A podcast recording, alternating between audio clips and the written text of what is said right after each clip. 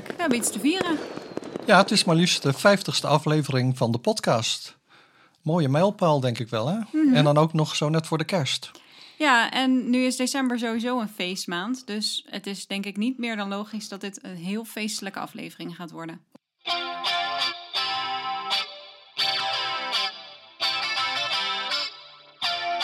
Dit is Drang naar Samenhang. Een podcast over de psychologie van het begrijpen. Mijn naam is Rolf Spaan. En ik ben Anita Eerland. Nou, vandaag gaan we het hebben over het begrijpen van feestdagen. En ik vroeg me af, wat is eigenlijk jouw favoriete feestdag?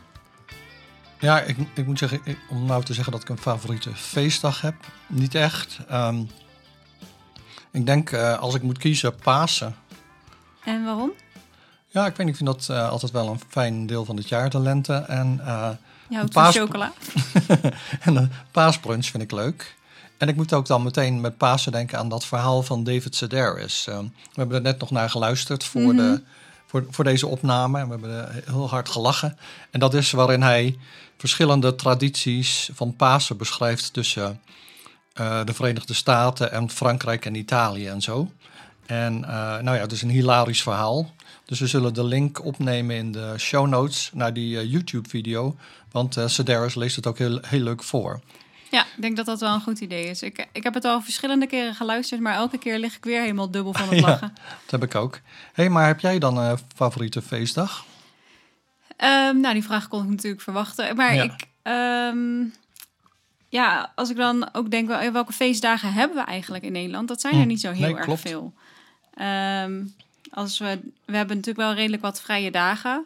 Ehm, Mhm. Maar op heel veel van die dagen doe je eigenlijk niet echt per se iets bijzonders. Dus dat zie ik dan niet als een feestdag. Ehm, maar wat hebben we oud en nieuw? Ja. Dat vind ik nou niet per se eh, heel erg leuk. Nee.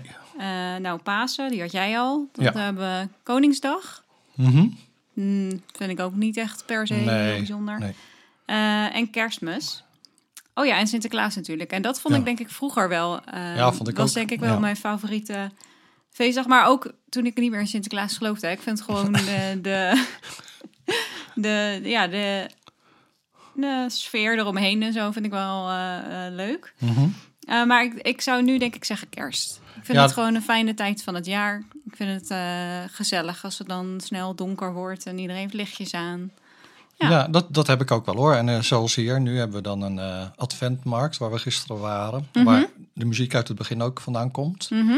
Ehm, dat vind ik ook wel heel gezellig. Dus kerst is bij mij een goede tweede.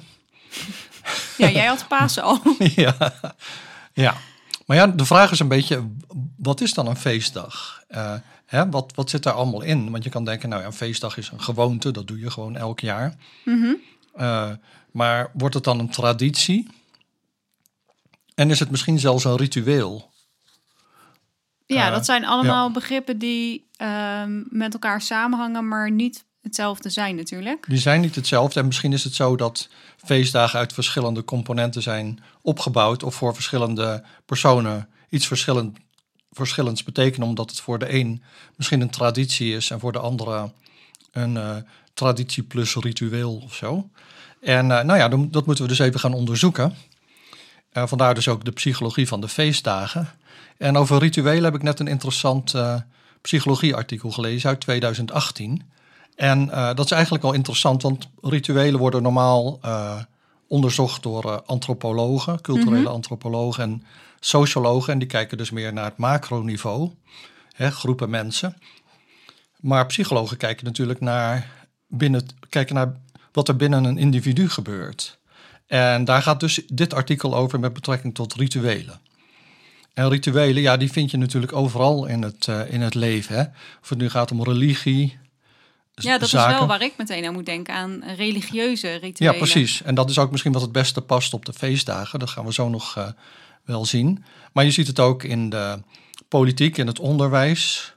Hè? Eh, bijvoorbeeld wetenschappelijke promoties, daar hebben wij het al vaak over gehad. Dat zijn rituelen. Je ziet het ook in de sport en in het leger. En eh, ja, ze staan centraal eigenlijk in de meeste eh, tradities over de hele wereld. En uh, wat er eigenlijk zo interessant is aan een ritueel, is dat gewone handelingen worden omgezet in iets dat een symbolische betekenis heeft. Dus bijvoorbeeld het herhaaldelijk uh, knielen en buigen van een religieus gebed. Hè, dat is niet, laten we zeggen, um, dat zijn geen knieoefeningen of zo. Dat Mhm. duidt op toewijding aan God en het biedt troost aan mensen. En, En- en, dat maakt het dan een ritueel. Dat je er zo'n diepere. Onder meer, onder meer. Ah, ja. maar, maar er zijn nog meer dingen waar ik het, eh, ik zo zal noemen. En eh, nou ja, atleten hebben bepaalde rituelen. Tamelijk irritant in sommige sporten zelfs. dat ze elkaar altijd handjeklap geven bij het volleybal na elke bal. Maar bijvoorbeeld ook een huwelijksritueel. Hè, dat verzegelt de band tussen twee mensen. Dus de vraag is dan, wat maakt een handeling nou een ritueel? Nou, in tegenstelling tot gewoontes en, of routines, die elke keer dat ze worden uitgevoerd eh, kunnen veranderen, zijn rituelen vaak onveranderlijk. Dus ze zijn nogal rigide. Ze worden alleen maar op die manier uitgevoerd. En daarom vergen ze dus ook een eh, hele precieze naleving van de regels. Want je moet strikt vasthouden aan het script. En ja, want dat is ja. dus ook belangrijk. Als je zegt er is een diepere betekenis, Mhm. dan zit hem dat in, in die handeling. Ja, En dan zou de betekenis misschien dus verloren gaan als je die handeling niet, niet zo uitvoert. Dus ik snap wel dat dan voor een ritueel, dat daar strikter wordt vastgehouden aan, aan precies wat er, wanneer, door wie wordt gedaan Ja. of zo. Ja dat, ja, dat is eigenlijk het kenmerk. Dus als je denkt aan bijvoorbeeld het bezoeken van een restaurant, het restaurantscript, waar we het al heel vaak over hebben gehad in de podcast en ik ook in het boek. Dat is een soort stereotype opeenvolging van handelingen. Zo gaat het meestal toe in een restaurant. Je komt binnen en er komt een, eh, een serveerder en die leidt je naar je tafel, et cetera. Maar dat ligt niet precies vast. Eh, de serveerder komt niet op een bepaalde manier aanlopen en jullie, mo- we moeten niet in ganzenpas achter elkaar, zoals het wel bij een wetenschappelijke promotie is. Hè. Dan moet je in een bepaalde volgorde de zaal binnenkomen. Het publiek moet dan opstaan. Als je een restaurant binnenkomt, is het niet zo dat de andere mensen gaan. eh, Allemaal gaan opstaan. ja, Bij dus dan, bepaalde personen misschien wel, maar eh, nee, ik Ja. heb het zelf nog nooit gehad, nee. nee, dus een script is wat losser wat dat betreft. Maar Ja, een ritueel, dan moet je er dus strikt aan vasthouden. Dus bijvoorbeeld, eh, nou ja, ritueel slachten in de islamitische en Joodse tradities. Dan moet je precies dezelfde reeks stappen elke keer uitvoeren. Want eh, je- de bedoeling is dat je het vlees gaat zuiveren. En als je zelfs maar een klein detail verkeerd doet, dan mislukt het hele ritueel. En dan wordt het vlees verboden om op te eten. ja. Dus daarom kunnen die regels niet worden versoepeld. En eh, dat is dus één ding, hè, dat starren, wat een ritueel heeft, vergeleken met, laten we zeggen, een script. En wat het ook heeft, is dat, dat het dus een, een, een, diepere laag van betekenis heeft. Dus bijvoorbeeld, als een kameraad is gevallen tijdens de oorlog, hè, dan heb je een militaire begrafenisdienst, eh, begrafenisdienst en dan krijg je 21 saluutschoten. Nou ja, dat, de betekenis daarvan is afscheid van de, of eerbetoon aan de gevallenen. Anders zou het gewoon zijn wat soldaten die in de lucht aan het schieten zijn. Ja, dus dan is het ook weer die diepere betekenis, de symboliek, die maakt dat, dat iets een ritueel is. En, Ja.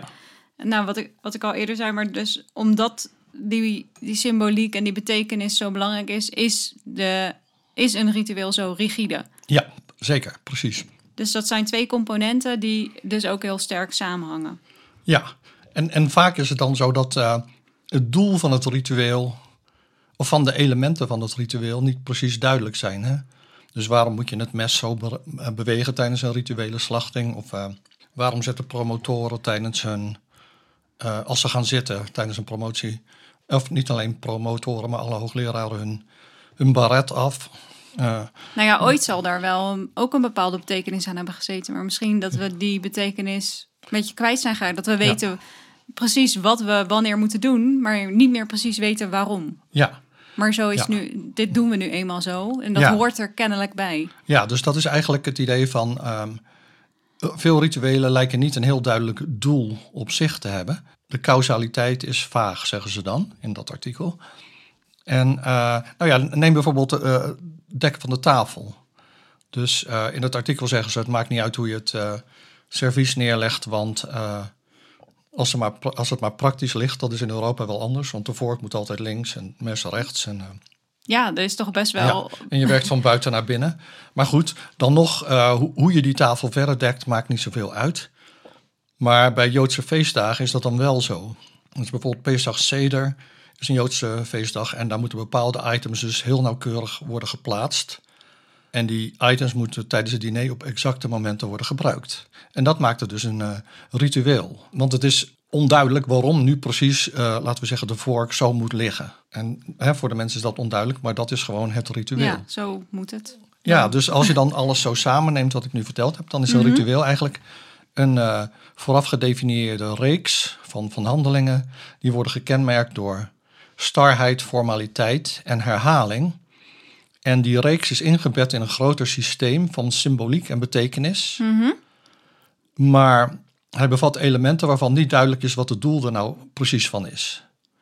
Dus die, je voert eigenlijk dat ritueel uit zonder precies te weten waarom je al die elementen doet. Maar je weet wel dat als je ze niet goed uitvoert, het ritueel eh, verpest is. Ja.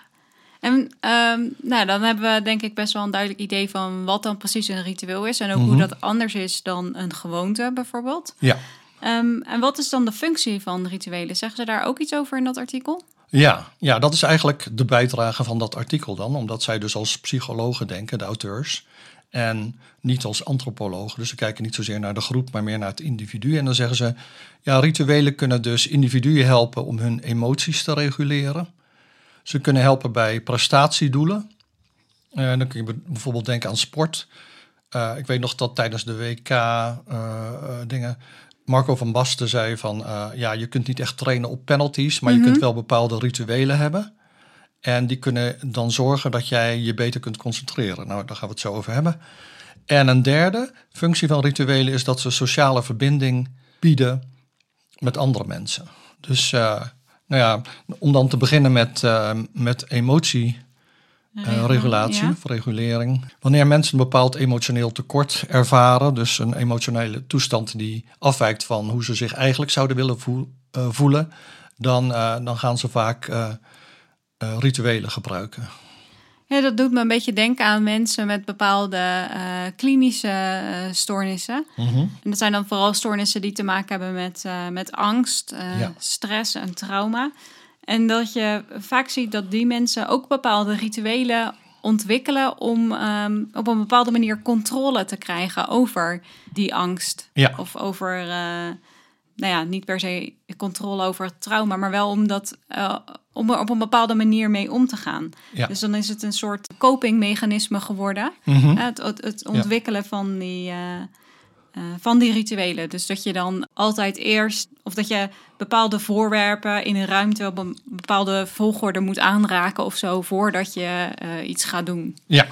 Ja. Bijvoorbeeld, er zit ook een beetje de magisch denken in, wat je meer bij kinderen ziet. Hè? Van ik moet wel met mijn voet in, in de stoeptegel en niet op de randjes, want dan anders brengt het ongeluk of Ja, zo. ja, precies. Dat, dat zijn, eh, dat zijn voor, eh, voorbeelden daarvan. En eh, het idee is dan dat eh, als je veelvuldig deelneemt aan rituelen, dan eh, kun je angstige en op, opdringerige gedachten weren. Ik zit even te denken hoor. Ja, dus je. ehm, omdat je dan zo bezig bent met die, met die Ja. rituelen. Ja, dat is, dat is eigenlijk het idee. Dus omdat je de hele tijd, en dat was ook eigenlijk wat Van Basten zei, wat ik eerder zei, je kunt niet trainen op penalties, maar als je een bepaalde routine hebt, dan kun je daarmee wel negatieve gedachten onderdrukken van ik ga de penalty missen of zoiets. Of dus Ja, in het ja, geval ja. van iemand met een angststoornis, van eh, eh, die kan dan die opdringen, opdringende gedachten, opdringerige gedachten eigenlijk onderdrukken, omdat die persoon zich richt op de handelingen die worden uitgevoerd op dat moment. Het is eigenlijk een soort mindfulness, zou je haast kunnen Ja, zeggen. een soort, een soort afleiding of zo. Ja. Eh, dus je, je, je doet bepaalde handelingen in een bepaalde volgorde en zo. En dat leidt af van negatieve Ja. eh, gedachten. Ja. En, en het voltooien van of volbrengen van een ritueel, dat eh, geeft dan weer een positief geval. Want je hebt dan een Gevoel. oefening voltooid, zeg maar. Een oefening die gezien wordt als een ritueel. Eh, nou ja, dus in die zin kunnen rituelen dus je, je emoties beïnvloeden en je gedachten ehm, eh, eh, structureren, zodanig dat opdringende gedachten worden Ja. eh, eh, weggedrukt. Dus op die manier kun je prestaties dan beïnvloeden. En dan het derde mechanisme waar ik het over wilde hebben was eh, het groepsgebeuren, zeg maar. Dus als je deelneemt aan een ritueel, een groepsritueel, dan uh, wat er dan eigenlijk gebeurt is dus alle, dat alle deelnemers aan dat ritueel, die hebben dezelfde aandacht op het, voor hetzelfde. Mhm. Dus je hebt gedeelde aandacht en vaak voer je ook dezelfde handeling uit. Soms heb je ook, dat stond niet eens in dit artikel volgens mij, dezelfde kleren aan, of dezelfde uniform. Als dat Ja, deel ja. is van het ritueel. Ja, Ja. ja, en dat versterkt dus dat groepsgevoel. Ja. En als iemand dus deelneemt aan een ritueel, groepsritueel, dan kan hij laten zien dat hij deel uitmaakt van die groep. Ja, ik zit even te denken, dus een, een ritueel kan nooit iets zijn wat jij als enige doet. Nou, dat, dat zou wel kunnen.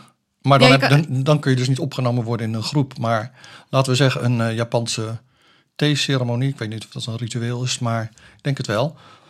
Denk ik ook. Die kun je ja. ook, dat kun je in je eentje doen. Of, eh, maar het gaat meer om groepsrituelen zoals we bij- feestdagen hebben. Bijvoorbeeld dat mensen eh, um, naar de kerk gaan en daar psalmen zingen of zo. Of, eh, Of zo'n hostie krijgen. ja, ja, ook- precies. Ja. Ja. Ja. Ja, ik bedoelde ook niet eh, dat, je, dat je een ritueel niet in je eentje kan doen, maar dat jij niet eh, eh, dat een individu niet een uniek ritueel kan hebben. Je Oh, kan zo. niet een ritueel Nee. voor jezelf hebben. nee. Dat zit altijd. Nou, dat, In- dat kan ook, want jij gaf zelf het voorbeeld van eh, iemand met OCD. Mhm. Die heeft gewoon zijn, zijn Oh ja, eigen ja. ritueel. En veel sporters ook. Ehm, geloof dat de voetballer eh, Mark van Bommel vroeger altijd Arjen Robben op zijn eh, hoofd kuste voor de wedstrijd of zoiets. En dat doen andere mensen niet. dus, nee. dus je kan wel je eigen ritueel. Maar dan gaat het meer om dat het, laten we zeggen, dat je dat dus altijd op dezelfde manier uitvoert. Ja. Maar groepsrituelen, die hebben mede als functie om dus de verbinding van het individu met de groep te versterken. Ja. Ja, dat snap ik. Als Ja. je dat deelt en je doet het allemaal op dezelfde manier, met dezelfde. Het heeft een bepaalde betekenis, symbolische waarde. Ja, Dus dat je. eh, Nou ja, alles wat je deelt zorgt voor, voor meer verbondenheid natuurlijk. Dus dat zal Mhm. dan met een ritueel eh, ook zo zijn. ja, dat klopt. Nou ja, wat er dan ook nog gebeurt is dat als je dus regelmatig deelneemt aan rituelen van een groep, dan leer je over de culturele normen van die groep. Die vertegenwoordigd worden door dat ritueel, in dat ritueel vervat zijn. Rituelen vertegenwoordigen daarmee de, laten we zeggen, de belangrijkste normen en waarden van een cultuur. En zo kom je dus dan bij tradities uit, zeg maar. En bij, bij feestdagen. Nu is onze beleving van feestdagen, aangezien wij niet religieus zijn, niet zo ritueel van aard. Wij doen niet zo ritueels eigenlijk. Ja, we tuigen de kerstboom op, maar dat doen we.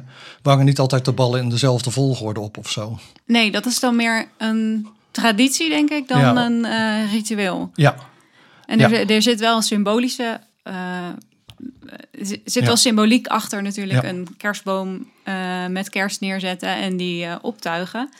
Maar dat is eh, ja, geen ritueel. Maar misschien is het wel eh, interessant om inderdaad eh, van rituelen over te stappen naar tradities. Om te kijken wat dat dan precies zijn. Ja, maar dat doen we dan straks. Want ik wilde eerst nog even dus kijken van wat zijn dan bijvoorbeeld wel rituelen in feestdagen. Nou, dat is dan dus mensen die naar de kerk gaan en daar een, een dienst bijwonen. En daar, er zitten dan allemaal rituelen in. Verder kan ik eigenlijk zo snel niets bedenken. Ja, je kan zeggen van eh, voor- als de klok 12 uur heeft geslagen op oud en nieuw, dat je dan met elkaar proost en gelukkig nieuwjaar wenst. Maar dat gaat niet op een bepaalde manier. En niet iedereen drinkt hetzelfde. Nee, ik zit ook even te denken, ja, wat voor. Ik, ik, ik vind het toch moeilijk om eh, een ritueel los te zien van eh, religie. Ja, ja. van Zeker religie of bijgeloof. Of, ja, ja, klopt. Maar het is dus wel een element van de feestdagen voor veel mensen. Ja, Alleen niet voor ons. Nee. Maar dat komt ook omdat veel feestdagen natuurlijk een religieuze oorsprong Ja, hebben. tuurlijk, tuurlijk. Ja, Behalve zeker. bijvoorbeeld Koningsdag. Maar goed, hebben we daar een ritueel? Nee, ik geloof het niet. Nee. Nee, dat is meer dat is een, een traditie. En dat doe je ook niet altijd op dezelfde manier. Maar eh, ja, daar komen we straks over te spreken. Ja, onbegrip van de week. Eh, ik heb niks nieuws, maar ik zat wel te denken dat heel veel van onze eh, de onbegrip onbegrippen van de week. Ja, van, van alle afleveringen. Ja, als ik daar nu aan terugdenk, dan zijn, zitten daar heel vaak eh, tradities bij die wij gewoon niet begrijpen. Omdat wij er niet bekend mee zijn. En dan noemen we ze hier als onbegrip van de week van eh, wat ik nu kreeg, ehm, weet ik veel, bij de bakker hier of zo. Eh, of nee, jij Ja. had toen bij de kapper toch iets gekregen? Zo'n Ja, een klein varkentje. Ja. ja, ja. Nou ja, dat begrepen we niet. We hebben het al vaker gehad over andere tradities hier in Oostenrijk die wij dan niet be- begrepen. Mhm. Dus eigenlijk zijn tradities voor ons best wel een grote bron van inspiratie geweest voor die eh, onbegrip van de week. Dat klopt, ja. Ik denk dat, eh, dat veel onbegrip in onze cultuur ontstaat omdat we een bepaalde traditie niet goed begrijpen. En Mhm. ik had dat met het varkentje bij de kapper. Ik ga dit jaar denk ik geen nieuw varkentje halen, want zo goed vond ik die kapper niet. Nou, je Ehm, hoeft ook voorlopig niet naar de kapper volgens nee, mij. ik ga gewoon weer naar de barbier onder de Dom in Utrecht als we terug zijn in Nederland. Ja, en een voorbeeld eh, van een traditie die ik dan in ieder geval niet zo eh, goed begreep, of het was zelfs een ritueel, was een promotie in Finland. Ehm, ik heb daar al een beetje over verteld in de aflevering Complotverhalen, waar jij het had over eh, het idee dat Finland niet bestaat. En ik zei van ja, maar ik ben er wel geweest. En, maar goed, dat was een promotie. We hebben ook promoties in Nederland. Maar in Nederland heb je een commissie van zes tot acht mensen die vragen stellen. In Finland heb je maar één persoon die een vraag stelt. In Finland heeft de promotor een, een pak aan eigenlijk en een sabel heeft hij. Dat is in Nederland ongebruikelijk. En voorafgaand aan de promotie was ik met dus de promotor met zijn sabel en de promovenda en ikzelf in zijn kamer. En toen maakte hij een kistje open en toen kregen we alle drie een glas whisky voordat we de zaal inliepen. Dat dronken we eerst op natuurlijk. We liepen niet met dat glas Met de je zaal in. glaasje zo naar binnen. Ik begreep niet of dat nu onderdeel was van de promotieplechtigheid in Finland of niet. Want die, eh, die man had ook heel veel whiskyflessen gewoon in zijn boekenkast staan. Dus ik dacht van, het is waarschijnlijk iets persoonlijks en niet deel van de traditie. Maar ik wist het niet zeker. Het zou natuurlijk voor hem een gewoonte kunnen zijn. Ja, Van, eh, precies. voor een Ja. eh, spannend of belangrijk moment. Eerst een slokje whisky om een beetje Ja. te ontspannen of zo. Maar voor hetzelfde geld was het wel deel van het ritueel. Dan hoort er een fles whisky en een sabel bij. Ja, en, en dat, daar, daar zie je dus al aan dat, eh, dat dan veel van die handelingen in een ritueel voor een buitenstaander willekeurig lijken. Het is niet duidelijk waarom je die dingen doet. Terwijl bij een restaurantscript is wel duidelijk waarom je naar een tafel loopt of waarom je een menu krijgt. Ja, Dus dat, dat maakt het wel interessant, maar dat is dus ook een bron voor, voor, van misverstanden voor, voor anderen die dan eh, dat ritueel niet kennen. En eh, ik heb daar trouwens ook een blogpost over geschreven. En nu ik het over bl- mijn blog heb, ik heb. Ik had een blog dat heette eh Zeistgeist. En dat heb ik nu, daar heb ik de naam van veranderd in een drang naar samenhang. Eh, je kunt het gewoon vinden als je zoekt op Rolf Zwaan blog. En eh, daarin heb ik dan ja, een paar keer per week denk ik een post. Een beetje ook overlappend met de podcast. weet wat je belooft hè? Een paar keer per week een post. Ja, dat, dat had ik vroeger ook. En, eh, en eh, eerder was die blog in het Engels. En al die eh, posts kun je nog steeds lezen. Maar vanaf nu doe ik het alleen in het Nederlands. Of hoofdzakelijk. En nou ja, zoals ik zei, er is wat overlap met de podcast waarschijnlijk. En je kunt de podcast ook beluisteren via de, de blog. En wat ga je dan allemaal beschrijven Nou- een paar keer per week? Nou, ik kan dan meer reageren op actualiteit en dan voor de achtergrond verwijzen naar het boek Drang naar Samenhang of naar de podcast of naar we- wetenschappelijke artikelen. Maar eh, het geeft me een mogelijkheid om iets meer in te spelen op de actualiteit. Hè. Met deze podcast hebben we natuurlijk een week om hem te maken. Nou ja, we maken hem meestal in twee dagen. Ja, dat is 40 minuten lang. Ehm, terwijl een, ja, zo'n zo'n blogpost, dat, is, die kun je lezen in twee minuten of zo. Dus het is ook voor mensen die misschien niet een hele podcast willen horen, maar toch iets willen leren over dat onderwerp. Zou dat blog dan eh, handig kunnen zijn? En kunnen mensen ook reageren op de posts die je Ja. daar eh, ja, zet? dat klopt. Dat klopt. Oké, Het is wel zo dat ik eerst de reactie goed moet keuren. Dat, dat, dat is gewoon een instelling die ik altijd heb gehad. Nou dat is ook denk ik wel verstandig. ja, er zijn ook mensen die anders gewoon reclame dingen eh, erop zetten. En dat wil je natuurlijk niet. Dus ik filter ze wel, zeg maar. Oké, nou leuk. Ja, Dus vanaf nu te bekijken. te bekijken. Eén post staat er al op, ja. Vanaf 18 december. Nou, nu hebben we het voor het onbegrip van de week voornamelijk gehad over rituelen, wat wat dan precies zijn. En we hebben het ook al gehad of tenminste, we hebben nog niet uitgelegd wat het is, maar we hebben wel ook tradities af en toe genoemd. Ja, En wat is nu het verschil tussen een traditie en een ritueel? We hebben het gehad over tradities net tijdens het eh, onbegrip van de week. Eh, dus ik dacht, het is misschien ook goed om te kijken naar die tradities, omdat we ook tradities heel goed kunnen koppelen aan eh, feestdagen. ja, En tradities zijn dingen die eh, van generatie op generatie worden doorgegeven. met het doel eigenlijk om te zorgen voor maatschappelijke stabiliteit. ja, Dus het gaat vaak om iets dat we al jaren doen, soms eeuwenlang al. Mhm. Ehm, en wat we dan, ja, iets wat we dus doen met mensen binnen een bepaalde groep. En dat kan dan Ja. zijn eh, eh, een bevolkingsgroep bijvoorbeeld. Dus eh, alle Nederlanders. Nou, niet allemaal, maar goed, Nederlanders vieren Sinterklaas op een bepaalde manier bijvoorbeeld. Daar zitten Ja. bepaalde tradities bij. Maar zo'n bevolkingsgroep kan ook heel lokaal zijn. Dus een bepaald dorp, een bepaalde streek eh, kan zijn eigen tradities hebben. ja, Eh, maar tradities vind je ook binnen bijvoorbeeld een geloofsgemeenschap. Dus het gaat erom dat je eh, eigenlijk ook wel een beetje met rituelen heb je dat natuurlijk. Dat je een groep hebt van mensen die allemaal of hetzelfde ritueel of dezelfde tradities erop nahouden. ja, En dat ze die ook doorgeven aan volgende generaties. En dat maakt een traditie dus eigenlijk een gewoonte die zijn oorsprong heeft in het verleden. Mhm. En een traditie kan dan eh, een feest zijn. Dus Ja. bijvoorbeeld kerst kun je zien als een traditie. Of eh, Pasen of eh, Koningsdag. Maar een herdenking kan ook een traditie zijn. Mhm. Dus wij hebben in Nederland de dodenherdenking. Ja. Kun je zien als een... Dat is nou ook een behoorlijk ritueel zelfs. Ja, daar gaat Ja, ik zou zeggen de herdenking zelf is waarschijnlijk... Zeg maar, de dag is zelf is, is Ja. bijvoorbeeld... eh, zou ik dan zien als een traditie. En daarbinnen zitten rituelen Precies. zoals eh, de kranslegging. Want Ja, de gaat- twee ja, minuten stilte. Ja, ja, eh, de taptoe. ja, die altijd gespeeld wordt. Dus dat, dat zijn inderdaad rituelen die onderdeel uitmaken van die traditie. mhm. Maar ook een bepaald verhaal kan een traditie zijn of een sport. ja, dus de Elfstedentocht of zo. Dat is een traditie. ja. Ja, of eh vieljeppen. ja. Hebben we het ook eerder over gehad? Ja, ik Verspringen. was bang dat ik het eh mond niet uit zou krijgen, maar volgens mij ging het goed. Ja, Dat, dat is dus een eh, traditie, die sport, in, een, eh, nou ja, in Friesland. ja, Ehm, en ja, daarmee voldoet het aan de kenmerken van een eh, traditie. Dat wordt overgegeven, dat komt uit het verleden. En ehm, ik zei, tradities worden steeds overgegeven van generatie op generatie. Dus het is belangrijk dat die dan blijven bestaan. En dan zou je kunnen denken dat een traditie dus niet verandert. Omdat we Mhm. die steeds op dezelfde manier doorgeven aan de volgende generatie. Maar dat is dus helemaal niet waar. Door de Nee. tijd heen zijn de meeste tradities namelijk best een beetje veranderd. ja dus, en dan, daarmee zijn het dus geen rituelen. Dus ze kunnen wel rituelen beval, eh, bevatten. Laten we zeggen bevrijdingsdag, maar er zouden dingen aan bevrijdingsdag anders kunnen worden in de loop der jaren, behalve dan dat rituele gedeelte. ja, die rituelen blijven dan hetzelfde, maar verder Ja. kunnen tradities dus best wel veranderen. En soms gaat dat heel geleidelijk. Dat we gewoon ja, door de tijd heen steeds een klein beetje eh, een traditie aanpassen.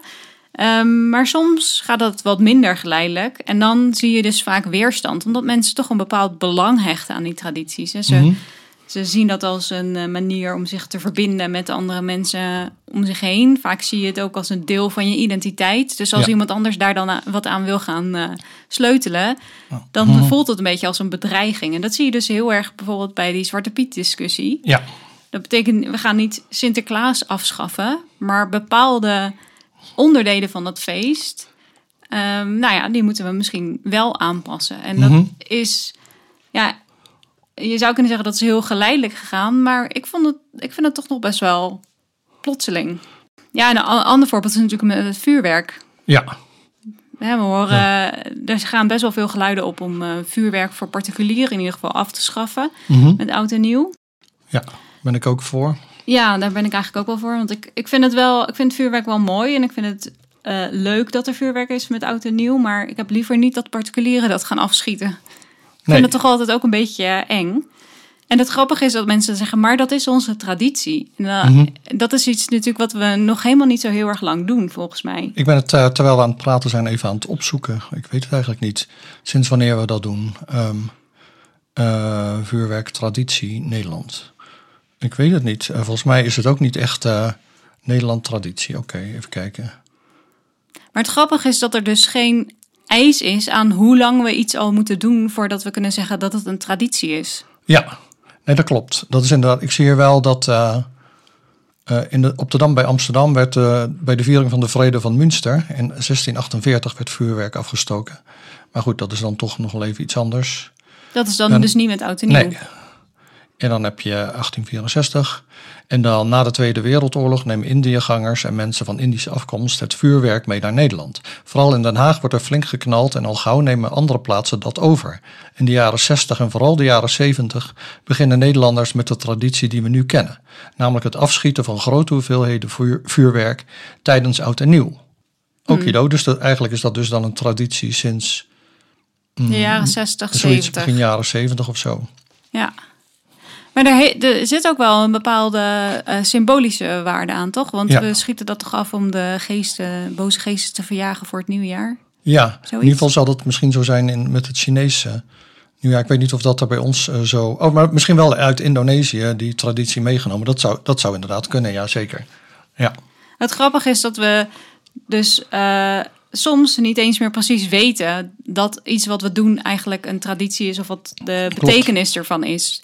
Dus eh, je hebt ook met bepaalde feestdagen dat je sommige dingen eh, dan eet. Die horen daarbij of zo. Maar Ja. dat we de, waar dat dan precies vandaan komt of zo, de betekenis, dat we die een beetje verloren zijn. ja bij Thanksgiving eh, weten ze dat dan nog wel in Amerika. De, wat ze dan allemaal aten. Yams, geloof ik. En cranberries. En ik ben het zelf een beetje vergeten eerlijk gezegd. Kalkoen of zoiets. En eh, nou ja, maar dat was ook wat ze dan aten met eh Indianen, de, de pelgrims, toen ze aankwamen, volgens het verhaal. En eh, dat weten de meeste Amerikanen dan wel. Maar dat komt denk ik ook om, vergeten, maar- omdat het eten daar zo'n hele centrale rol in speelt. Ja. Maar ik denk Ja. als je aan mensen vraagt, ja, wa- waarom eten we eigenlijk eieren met Pasen bijvoorbeeld? Ja. Dus waar dat dan precies vandaan komt, ik denk dat veel mensen dat misschien niet weten. Nee, en dat komt ook niet voor in het verhaal van David Sedaris. Nee, dat is jammer hè? Ja. Nou, wel de chocolade-eieren. Oh ja, Daar heeft hij het wel over. Ja, Ja. Ehm, Oké, maar we hebben het dus gehad over tradities. Wat dat dan precies zijn. En Ja. ehm, het leek me leuk om nog eens wat tradities te noemen die er zijn rondom de feestdagen. Want we hebben het per slot Hm. van rekening over de feestdagen. ja. Ehm, en dan wat tradities die, we, eh, die ze hier in Oostenrijk hebben rondom de feestdagen, die we in Nederland nou ja, niet hebben. Eh, of in ieder geval waar wij in Nederland niks mee doen. Dus bijvoorbeeld drie koningen. Dat, ze dan, eh, dat er kinderen aan de deur komen die dan gaan zingen en dat ze je huis komen zegenen. Ja. Daar hebben we het ook al over gehad, omdat ik toen niet wist wat die sticker boven de deur precies betekende. Nee, precies. Maar je hebt hier ook de almabtrieb. Ja. De, dat is een boerentraditie. Mhm. Dus dat heeft dan eigenlijk weer niks met de religie te maken. Waarbij de, de, de boeren, wou ik zeggen, maar de, de koeien uit de bergen eh, naar beneden worden gehaald. En dat is volgens mij altijd in september. Ja, want ze kunnen niet in de winter overleven in de bergen, dus ze moeten op stal. Ja, en nu hoorden we laatst van onze eh, kennissen hier dat er dan ook altijd een kalf per opbod wordt verkocht of zo. Ja, dat is ja. dus een traditie ook binnen, nou ja, die hele traditie van die almabtrieb. Eh, en met kerst ja, heb je natuurlijk hier de kerstmarkt. Die heb je in Nederland inmiddels ook wel, maar dat is niet eigenlijk een Nederlandse traditie, denk ik. Eh, en dat gelukzwijn waar we het over hebben gehad. Ja. En n- nou wil ik niet mekkeren, maar vorige week had ik het over, of hadden wij het over een geit die we op de kerstmarkt in Klagenvoort hadden gezien. En jij zou uitzoeken hoe het nou zat met die geit. Ja, dat is waar. Dus vooruit met de geit. Ik heb, eh, ik heb inderdaad eh, uitgezocht of, er, eh, of een geit op een bepaalde manier bij kerst hoort. Mhm. Want ik dacht, misschien is dat een traditie die wij nog niet kennen. Ehm, en er is dus een traditie van een kerstgeit. Maar dat is geen traditie in Oostenrijk. Oh, Dat is een traditie in Zweden. oh. Dus in Zweden speelt de geit een belangrijke rol met kerst. De geit wordt daar gezien als de voorloper van de kerstman. Dus voordat de kerstman er was, deelde de geit de cadeautjes uit aan de kinderen. En eh, nou ja, nu heeft de, die geit die rol niet meer. Maar je ziet nog wel heel veel geiten terug in bijvoorbeeld de kerstversiering in Zweden. Was het dan een soort verdwaalde Zweedse geit op de kerstmarkt in Nou ja, ik, ja, misschien was hij eh, op vakantie, ik weet het niet. Zou kunnen, geen idee. Nee, ik, heb Ja. geen, ik, ik weet het ook niet. Ik weet niet of die geiten die wij hebben gezien, of die Een officiële daar functie iets had. mee eh, te maken heeft. Maar ik vond het wel heel leuk om te zien dat er dus wel, wel degelijk een kerstgeit is. Ja, En ik vond dat heel grappig, want ik was dus op zoek naar die kerstgeit. En toen ben ik nog andere ehm, nou, bijzondere tradities tegengekomen rondom kerst. mhm. En nu we er toch zo lekker in zitten, dacht ik, die ga ik ook even met je delen. ja. Er is bijvoorbeeld in Spanje een beetje een vreemde traditie. ehm, waarbij mensen een, ehm, een extra poppetje in de kerststal zetten. En dat is dan een poppetje, het is meestal een mannetje, die zijn broek laat zakken eh, en in een poepende houding zit. Huh?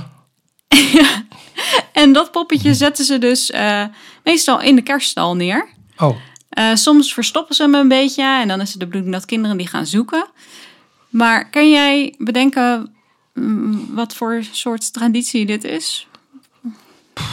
Ehm, nou eigenlijk niet echt, nee. Eh, Ik vind het ook nog wel raar dat je dan zo'n zo'n poepend mannetje naast. Ehm, Zoiets van, wat hoort hier niet in thuis? Het is, eh, laten we zeggen, heel eh, oneerbiedig. En eh, dat past dus eigenlijk dan niet in de kerststal, Nee. zou je zeggen. Net zo goed als je... Daarom vond ik het Ja. ook zo raar. Ik zit net te denken aan, je hebt soms van die, eh, van die middeleeuwse manuscripten.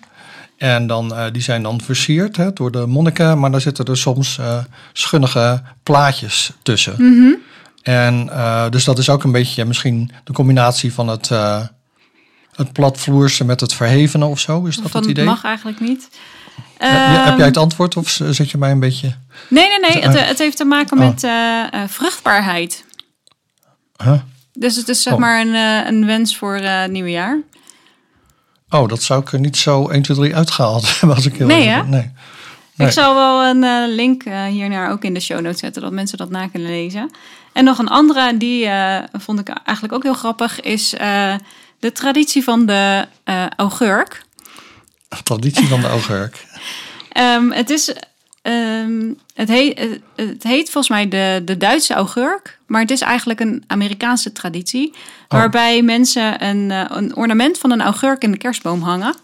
En dan is het de bedoeling dat kinderen die eh, zonder dicht bij de boom te komen en ook zonder de boom aan te raken, de augurk gaan zoeken. En dan is het de bedoeling dat je die als eerste in de boom vindt. Oh, nee, die ken ik ook helemaal niet, die traditie. Ik ook niet, maar dat is er wel eentje die wij erin gaan houden. Ja. Want ik heb een augurk besteld. Oké, En die, eh, als die, zodra die er is, dan ga ik hem in de boom hangen. oké, nou, ik ben benieuwd.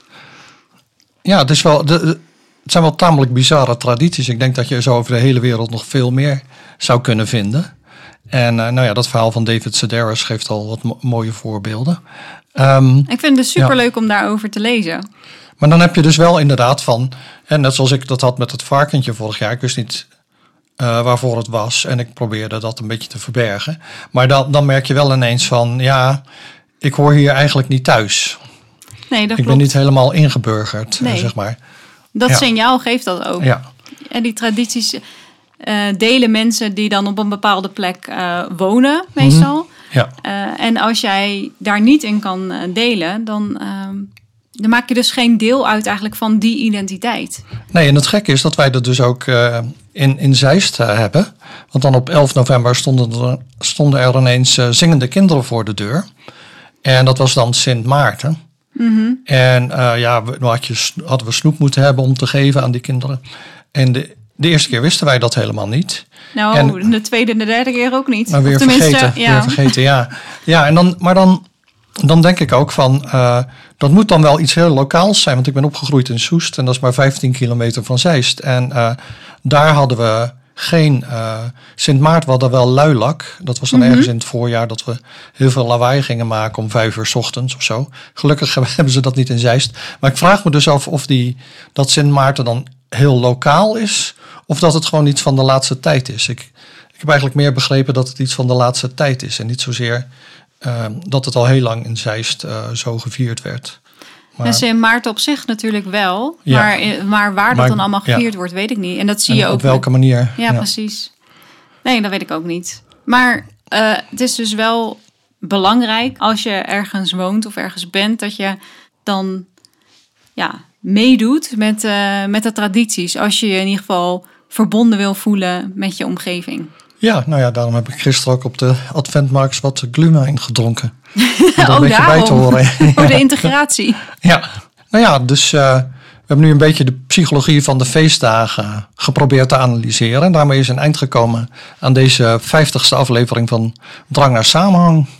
En als je wat te vieren hebt, dan hoort daar ook een traditie bij, hè? Ja, Ik denk dat het tijd is om te proosten. ja dat zullen we dan zo even doen met jouw Zerben Schnaps. eh, die eh, dit jaar goed gelukt is. En eh, ja, we wensen alle luisteraars heel fijne feestdagen toe. We zijn weer terug in het nieuwe jaar en hopen jullie dan. te, in ieder geval hopen we dat jullie ons horen. en we hopen van jullie te horen via mail of ja, weet ik veel, commentaar op de blog. Ja, hele fijne feestdagen gewenst en tot in het nieuwe jaar.